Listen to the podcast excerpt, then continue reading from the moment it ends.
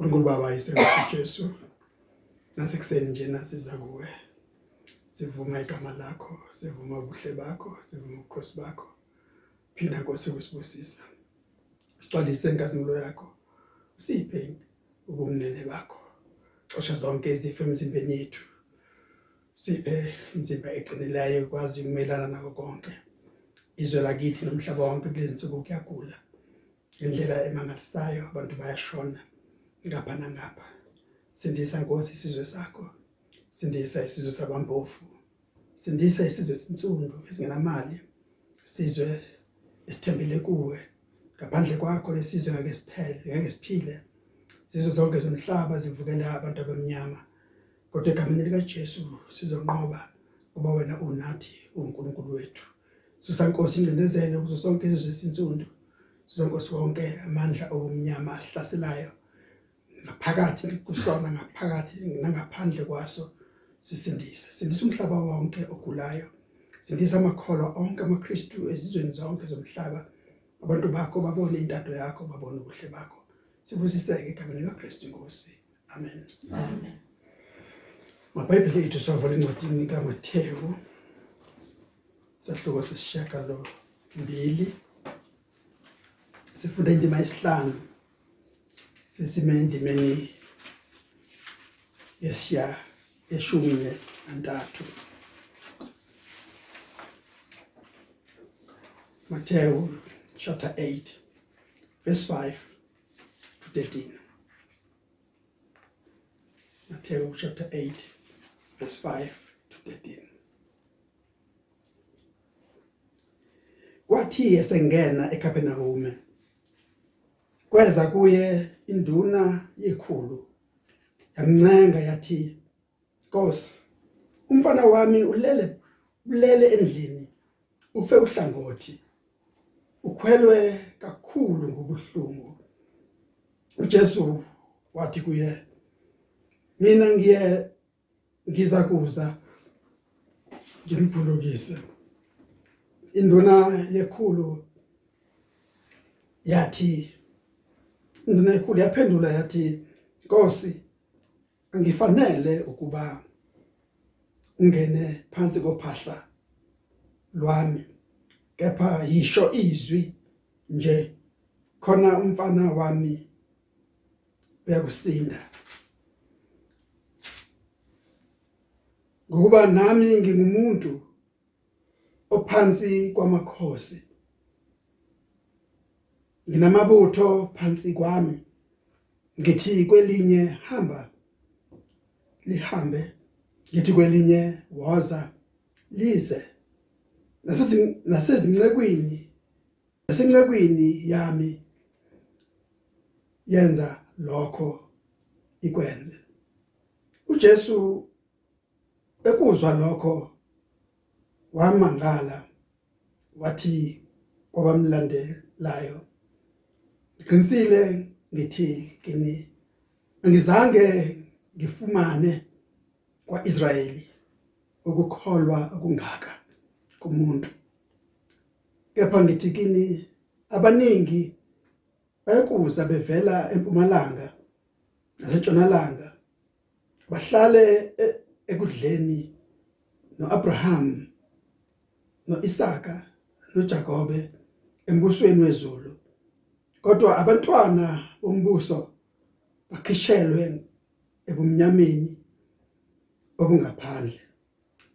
Lapho kuyakuba khona ukukhala nokugedla amazinyo. uJesu wayesethi enduneni yekhulu hamba makube kuwe njengokukholwa kwakho. Umfana wasinda ngasona lezo sikhathi izwi lakho Jehova siyazithoba kulo siyazinikela kuwe ukuba ukhulume izwi lakho nangalesikhathi sibusise ngalo usiphe uqonda imfihlakalo yalo egameni lika Jesu. Amen. Ngiyamikelela ke lonke bazalwane kulesikhathi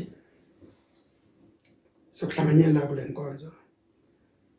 Ngithanda ukuba sibheke amazwi esiqede ukuwafunda sibheke amandla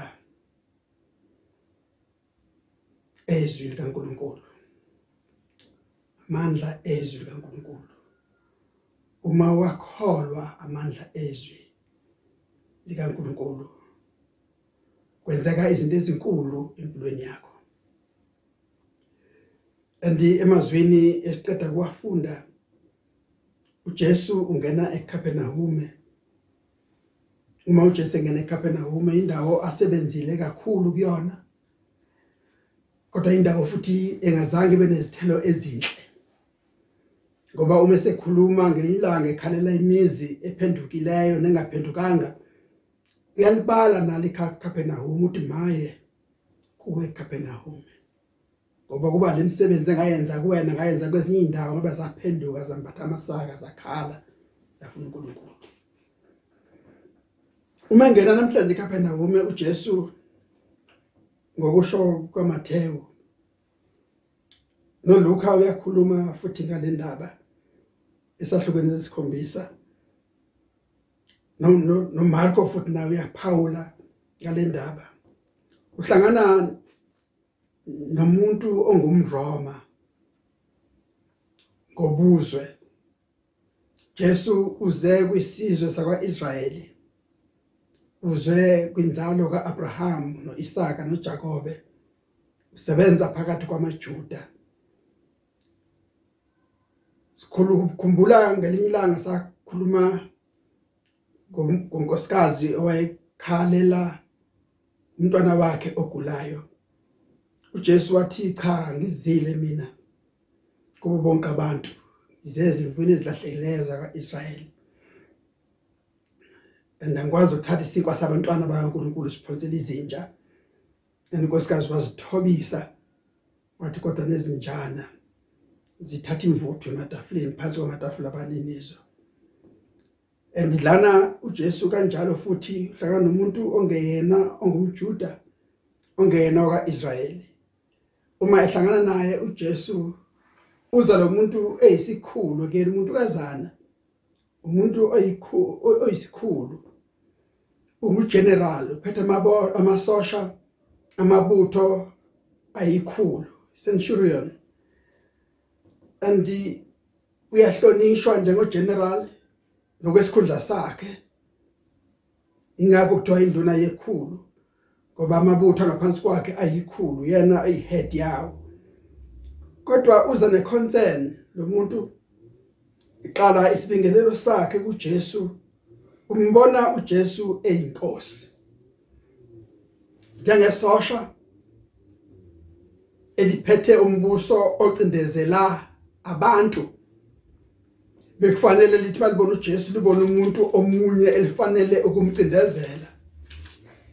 Bekufanele malibona uJesu libona umunye umuntu elifanele ukumhlukumeza. Noma li limtshele into elifunayo kuyena enza ukuthi limnikeza ama orders njengomuntu ongaphezulu kwakhe. Uma sibuyela emazwini esiqede ukwafunda sibone kusukela lapha na evesini lesihlanu uJesu eseCapernaum andikule Capernaum akuyona uJesu kwenzeka izinto eziningi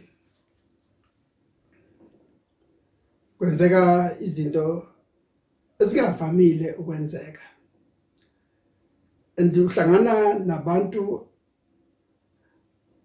abancane nabakhulu. Andikunenduna yekhulu ephethe amabutho ayikhulu. Ifika la kuJesu izo bika isimo ebhekene naso. Uma ibika isimo ebhekene naso uJesu uyayilalela. Umfana wami ulele endlini ufe uhlangothi. Ukhwelwe kakhulu ngobuhlungu. Uthi Jesu kuyo mina ngiyeza ukumkhulula ukumphulukisa and lo muntu ngendlela amkhulu ngayo ubuka ubukhulu buka Jesu. Uthi nami nginamandla nami nginezikhulu nami nginabaphathi. Kunabantu abakhulu engibaphethe kunabantu aba ngaphansi kwami abangilalelayo. Wena khuluma izwi ukuba umfana wami asinde. Khuluma izwi ukube into inceku yami isukume. Isebindlela akhuluma ngayo akafuni ukubiza ngesisebenzi eqinisweni inceku yakhe egulayo. Andi kusikujwayele kwabamhlophe uma bebiza izisebenzi zabo basibiza ngamaboy angaba umuntu omdala angaba umuntu ongaphezulu kakhulu kwakho no 50 60 kodwa mayekhuluma naye umbiza ngeboy nalona usebenzisa lelo limi lwencindezelo uma ethi umfana wami uyagula. Andi noma ke kuyisebenzi sakhe kodwa usikhathalele uyafisa kuba siphile. Uyafisa kuba sisinde. Ensizwile ukuthi uyinduna yekhulu unabantu abayikhulu abaphethe abalandela ngaphansi kwakhe. Kunabantu abayikhulu amasosha ayikhulu awaholayo. Uyena general wawo. Uthi ke cha ngimkhulu nami la ngikhona nginikeza iorder. Mangithi umuntu akeze uyeza mangithi akahambe uyahamba nawe khipha iorder. Kulesi simo esikusona khipha iorder. Khuluma izwi khuluma izwi kuzokwenzeka. Amandla ezwi lo muntu sangathi yakholelwa yini awakholelwa kangaka amazwi eh amandla ezwi? Ingoba wazi izwi lakhe ukuthi methe wemfana ndini shona lena wena bheka lena wena hlala la ugade kuba njalo. Nalana ke kuJesu uthi inkosi khuluma izwi. Kuzolunga umfana wami uzophila. Uma uJesu ebuka lokhu okwenzekayo kufika la ethi kodwa kaIsrayeli angikaze ngikubone ukukholo okungaka. Angikaze ngikubone ukuzinikela okungaka. Angaze ngimbone umuntu othi emkhulu abe ethoba kangaka. Ukusho ngani lokhu Jesu? Uhambile phakathi kwabantu bakwaIsrayeli bamshonisa ngapha nangapha ababoni amandla akuyena ababoni authority akuyena ababoni konke ukukhulu okusesandleni sakhe. Andikodwa kumuntu wezizwe ubona lamandla uthi umuntu wezizwe khuluma izwi. Izwi lakho izwi lakho linamandla. Izwi lakho liyaphila. Izwi lakho liyasebenza. Izwi lakho likhulu kunalokhu ongakubona uphuma kulona.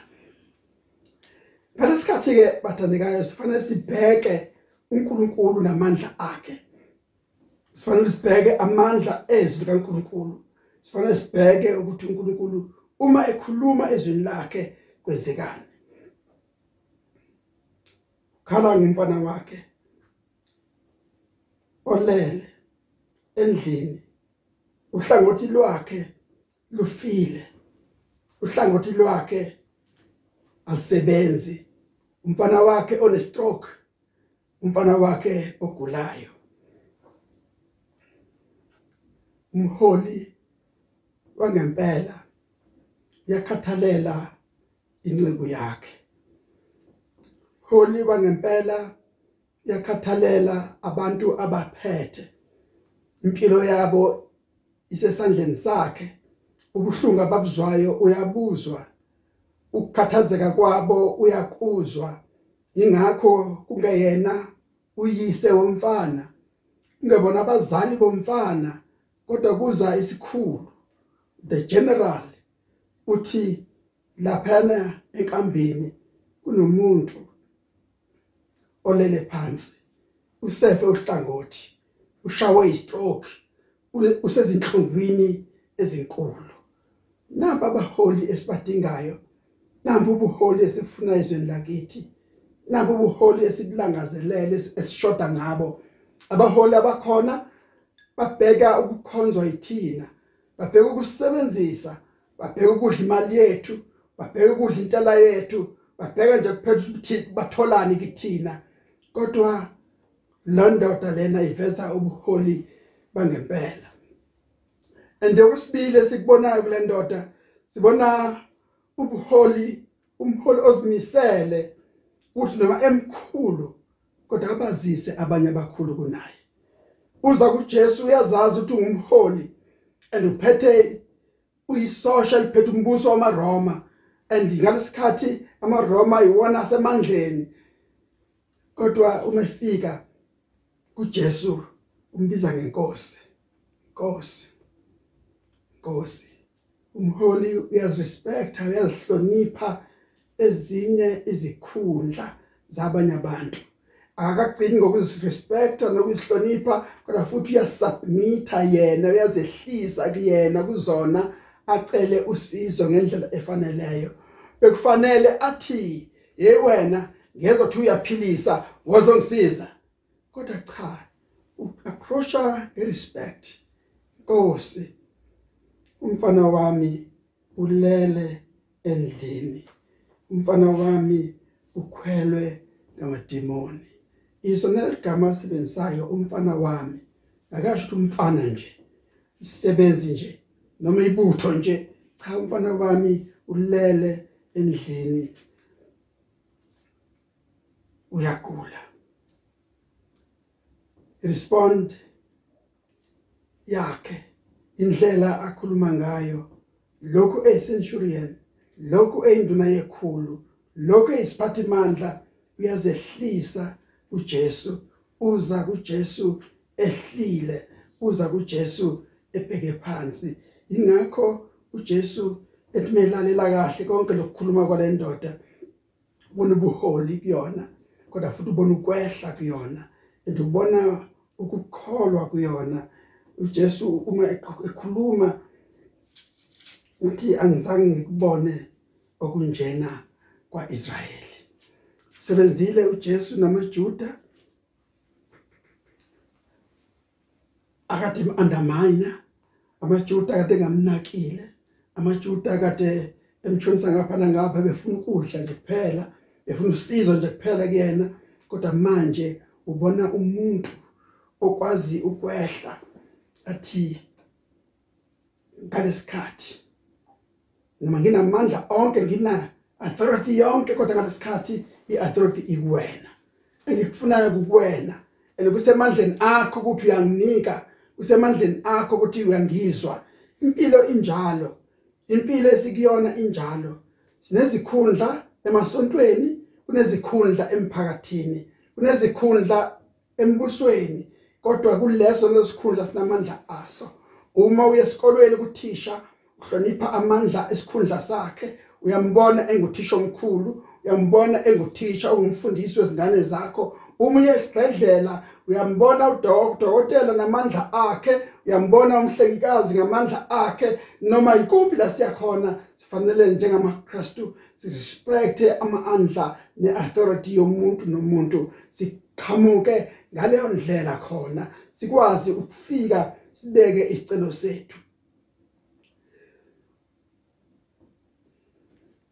Kulesi simo ke esisibona lana wenze njani wena? Wenze njani wena uma uqhamuka kubantu abangaphezulu kwakho uya ngokuncenga. Kodwa uma uqhamuka kubantu abangaphansi kwakho wenze njani yadimanda yabakhaca yabahafa wenze njani andiyindlela enjalo ikhombisa ukuba kude nomusa nokuba kude nesiphambano. Uma uJesu efikile ezimpilweni zethu uyasehlisa uyasiguqula uyasishintsha usenza kuba sazisane. Sazise ngisho nomntwana omncane. Sazise ngisho nabantu abangaphansi kwethu. Ngisho nabantu abasisizayo emakhaya ethu. Nabantu abasebenza ngaphansi kwethu. Sibahloniphe ukuze uNkulunkulu asebenze phakathi kwethu. Ngikaze ikubone ukukholwa okungaka kwaIsrayeli. Amazwi kaJesu lawo awakhuluma kulomuntu. Jesu ekuzwa lokho wamangala. Wathi kwabamlandelayo qinisile ngithi kini angizange ngifumane kwaIsrayeli ukukholwa okungaka kumuntu. Kepha ngithi kini abaningi bayakuza bevela empumalanga nasentshonalanga bahlale endlini noAbraham noIsaka noJakobe embusweni kaNkuluNkulu. uJesu uthini lana na?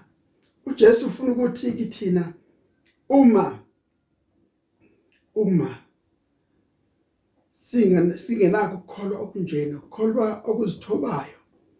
Okukholwa ukuthi uthi unamandla unga abuse amandla ukukhatha abanye abantu.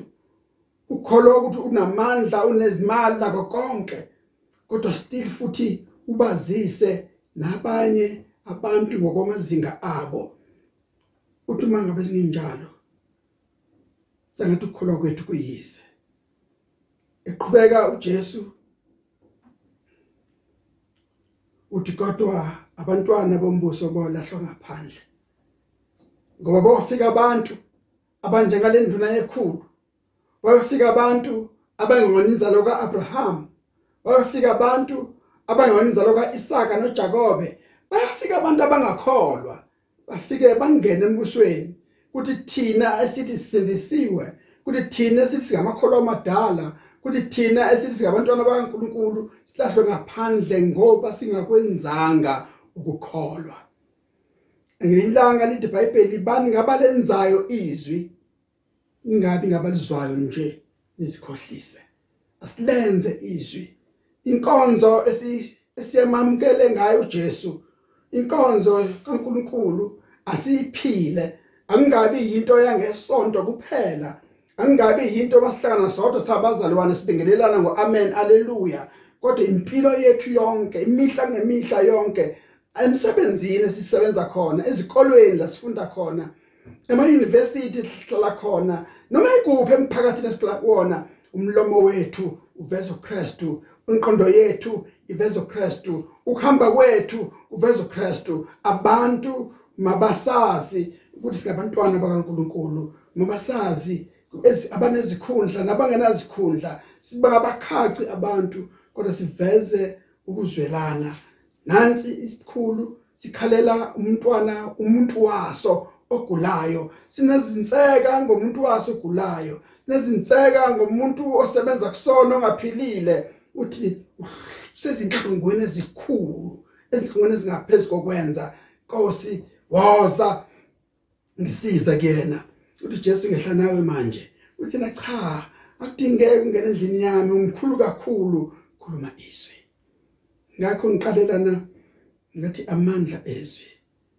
Amandla ezwi likaNkuluNkulu. Amandla ezwi likaNkuluNkulu. Ifuna ukukhulunywa. Yisho izwi. Ngizolalela izwi. Memezela izwi phezulu kwendodana yami. Noma ulana memezela izwi lokuphila memezela izwi elixosha amadimoni memezela izwi elihlanza izono memezela izwi izwi lakho Nkosi lisigezo lisigezo izwi lakho lingamanzi ahlambululayo. Liyemenza umuntu abesingena kwesinye isimo khuluma izwi Nkosi. Akudingeki ukuthi uzongena endlini yami sengathi uthi mina ngumuntu kazana ake nibheke le ndoda indlela embone ngayo uJesu. Ayimbonanga njengomprofeti nje ayimbonanga njengompriest nje kodwa ayimbona ngaphambili ukuthi mkhulu kunayo. Lokhu indoda iphethe amabutho ayikhulu isoshi namandla seRoma inamandla kwenza noma yini embusweni. Kodwa ayicha umkhulu kakhulu. Khuluma izwi izwi lakho. Izwi lakho. Ilelo lizwi ekuthiwa ngilanga athi uJesu liyisodi liyinkemba lisika inhlangothi zonke lishaya kushone ngapha lishaya kushone ngapha. Ilelo lizwi athi lo muntu likhulume uma umemezela izwi phezulu leya muntu olele lapha endlini amadimoni azophuma uhlangothi olufile lizovuka istroke simshayile sosuka uma kungakholwa kuyena khuluma izwi uzokholwa. Namhlanje na emini bekufanele sithi inkosi khuluma izwi mina. Khuluma izwi phezulu kwezinkinga zami. Khuluma izwi phezulu kwesimilo sami. Khuluma izwi phezulu kubumpofu bami. Khuluma izwi phezulu kwezingxaki zemihla ngemihla. Khuluma izwi inkosi ngilalele khuluma izwi. Khuluma izwi phezulu kwendlu yami. Khuluma izwi phezulu kobumnyama engihleli kubona. Amabhadi angilandelayo izinkinga ezingihaqile khuluma izwi inkosi izahlamuka khuluma izwi inkosi. Khuluma izwi phezulu kwezitha zami zisuke. Khuluma izwi phezulu kwabangizingelayo bayeke ukungizingela. Khuluma izwi inkosi ngiphephe. Khuluma izwi inkosi ngithola umsebenzi. Khuluma izwi inkosi ilunge impilo yami ngithole impumelelo. Uthi Jesu hamba ke hamba ke hamba makube kuwe njengokukholwa kwakho. Mfana wasinda ngasona leso sikhathi. Jesu usezulwini manje? Akasekho emhlabeni. Sisele nomoya oyingcwele siselwe nezwi lakhe. Enlelizwi linamandla. Amandla ezwi asekhona. Ekufanele ukuthi kulomkhuleko nakule nkonzo kubile naloyo yamemeza ingxaki yakhe ebese inkosi ikhuluma izwi phezulu kwelami ingxaki. Ikhuluma izwi phezulu kwelami ingxaki. Ngakho sihlabelelile emculweni ethu. Sahlabelela sathi ngikhalela elami icala. Ngikhalela ela olami usizi. Ngikhalela eyami ingxaki. Khuluma izwi inkosi senamandla over 3000 years. 3021 years. Lelo lizwi lisenamandla. Lelo lizwi lisaphila. Tshela uJesu uthi inkosi khuluma izwi phezulu kwendaba yami phezulu kwezono zami phezulu kwengxaki yami. Phezulu kwekhaya lami khuluma izwi inkosi. Ngiyalikholwa lelo lizwi.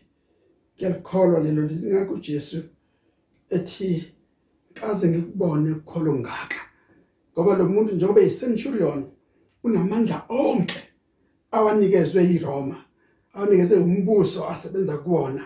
Kodwa lawo mandla beke eceleni uthi kukhona amandla amakhulu amandla asezulwini amandla ahlula konke. Ingakho bekufanele ukuthi emazingeni ethu sizifundiswa singabaphathiswa singohulumeni. Ekufanele lesikhathi sithi inkosi ikhuluma izwi kwi-situation kwisimo engikusona khuluma izwi kuzodamba konke kuzophumelela konke kuzolunga konke kuzophila konke amen amen siyabonga Nkosi. Izwi lakho elinamandla nangalesikhathi. Simemezela empilweni zethu ezihlaselwa imimoya impilo zethu ezihlaselwa amadimoni impilo zethu esincenga phezulu kwendawo engafanele kumnyama. Khuluma izwi inkosi kukhanye khuluma izwi ekhaya lethu. Bantwana bethu baphumelele basebenze aba emsebenzini yabo bengene inkazimulo yakho. Bathole imisebenzi abafuna imisebenzi. Abafundayo bafunde zonke ifiso zenhliziyo zabo inkosi khuluma izwi phezulu kwaso khuluma izwi kulo ibandla lakho lisemakhaya. Khuluma izwi kulo ibandla lakho liduduzeke lisimame likhule lidlondlobale. Ngoba wena simakade ukhuluma izwi kulona nangokuhlwa njena. Khuluma izwi inkosi khuluma izwi. Abantu bakho bazophila. Khuluma izwi phezulu komhlaba ogulayo. Umhlaba unabantu abafa ngamakhulu nangamashumi nangazinkulungwane. Umhlaba wabantu bawo bagula ngamakhulu amangakasabaleki umhlaba wabantu abagcwele izibhedlela onesi sebegula kwabona odokotela sekugula kwabona. Khuluma izwi phezulu kwesifo simakade.